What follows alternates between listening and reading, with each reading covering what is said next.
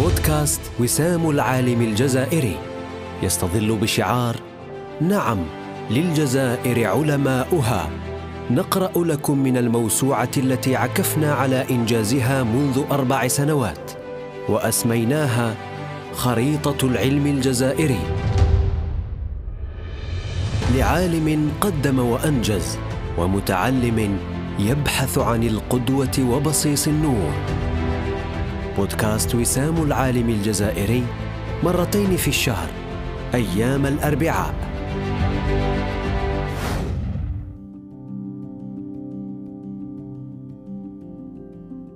العدد السابع والثلاثون. حول المسيرة العلمية للدكتور طه زروقي. المعلوماتية في خدمة العربية. الدكتور طه زروقي المبرمج والمحترف في لغة البرمجة بايثون وصاحب المشاريع الكثيرة بهذه اللغة. هو باحث مهتم بالمصادر المفتوحة والبرامج الحرة في سبيل خدمة اللغة العربية. ولد الباحث طه زروقي ابن معلم القرآن سنة 1978 بولاية تيزي وزو أستاذ محاضر في علوم الحاسوب بجامعة البويرة. وباحث في مجال المعالجة الآلية للغات الطبيعية اللسانيات الحاسوبية وأيضا مطور برمجيات حرة لخدمة اللغة العربية والقرآن الكريم وهو ناشط اجتماعي أسهم في برمجة المصادر الحرة وإدارة النشاطات الاجتماعية.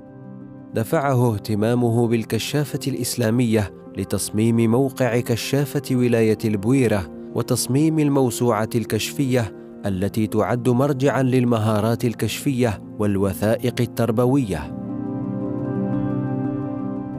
تحصل سنة 96 على شهادة البكالوريا من ثانوية المقراني بعين بسام ولاية البويرة شعبة علوم دقيقة رياضيات.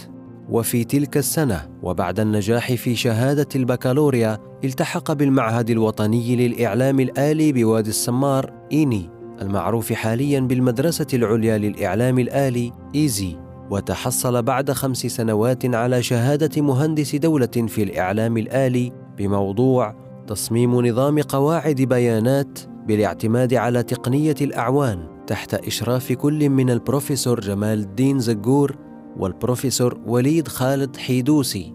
ثم واصل تدرجه بحصوله على شهادة الماجستير في نفس التخصص ومن نفس المعهد. في موضوع تصميم نموذج مستند قياسي للمصحف الشريف بإشراف الدكتور عمار باله وذلك سنة 2005 أكمل الباحث طه زروقي مساره العلمي أيضا في المعهد الوطني للإعلام الآلي وتحت إشراف البروفيسور عمار باله بتتويجه بشهادة دكتوراه في تخصص الإعلام الآلي في موضوع منظومة مفتوحة المصدر للمعالجة الآلية للغة العربية. تدرج الباحث طه زروقي في استعمال لغات البرمجة حسب السياق وحسب التمكن من باسكال إلى لغة ال C ثم لغة PHP وأخيرا لغة ال Python.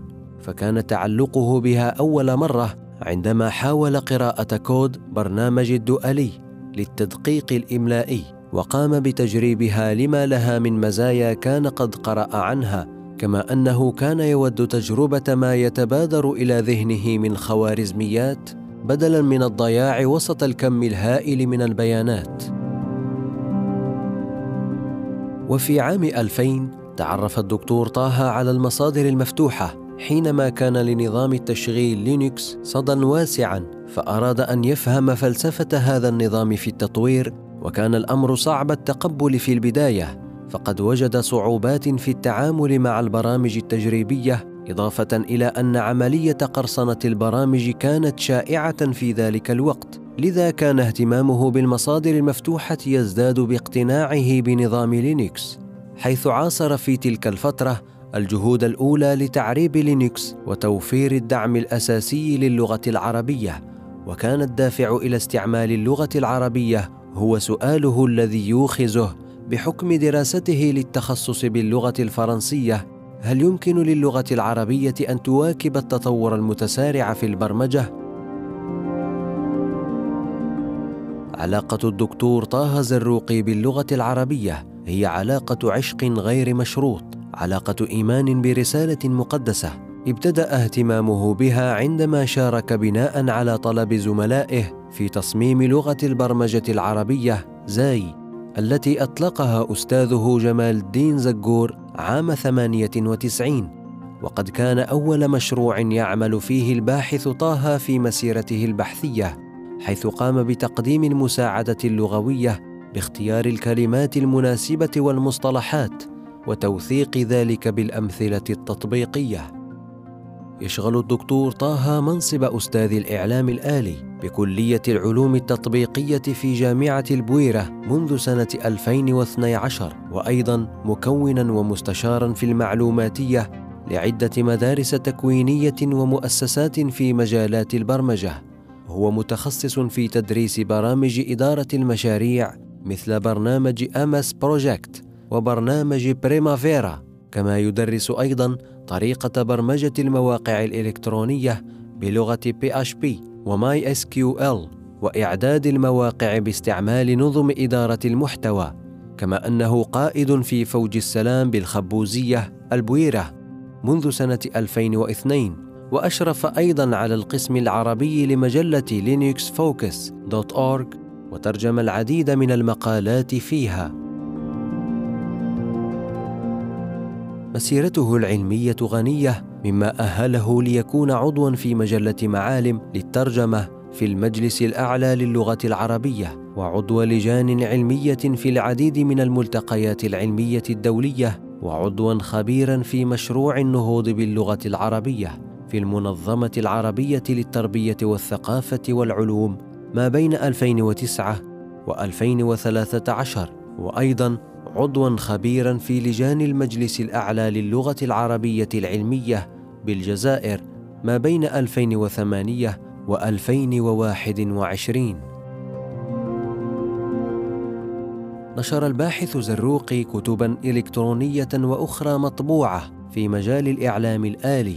منها دليل المصطلحات للسنة الأولى في المدرسة الوطنية العليا للحاسوب بالجزائر 2001 ودليل المصطلحات لطلبة الشعب التقنية فرنسي عربي جامعة البويرة 2012 وكتاب بنية الآلة لطلبة السنة الأولى إعلام آلي ورياضيات جامعة البويرة أكتوبر 2021 ومارس 2022 كما أنشأ العديد من المكتبات الإلكترونية تستهدف اللغة العربية مثل مكتبة نفطويه لتصنيف الكلمات العربية ومكتبة قطرب لتصريف الأفعال العربية ومكتبة بايثون للعربية مكتبة تاشفين للتحليل مكتبة القلصادي للتحليل الصرفي العربي للنصوص المشكولة وغير المشكولة وغيرها. أما إسهاماته في مجال البرمجيات مشكال النصوص العربية قطرب لتصريف الأفعال. التدقيق الإملائي والنحوي والأسلوبي المنطيق لتحويل النصوص إلى كلام. المدقق الإملائي العربي الحر أدوات معالجة النص العربي الفانوس محرك بحث قرآني وغيرها كثير.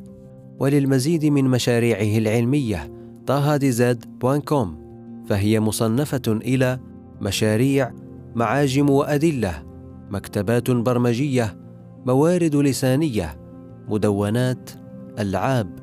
حاز الباحث طه نظير جهوده على جائزة الشيخ علي سالم الصباح للمصادر المفتوحة والبرمجيات الحرة العربية عن مشروع التدقيق الإملائي العربي الحر سنة 2009 بالكويت.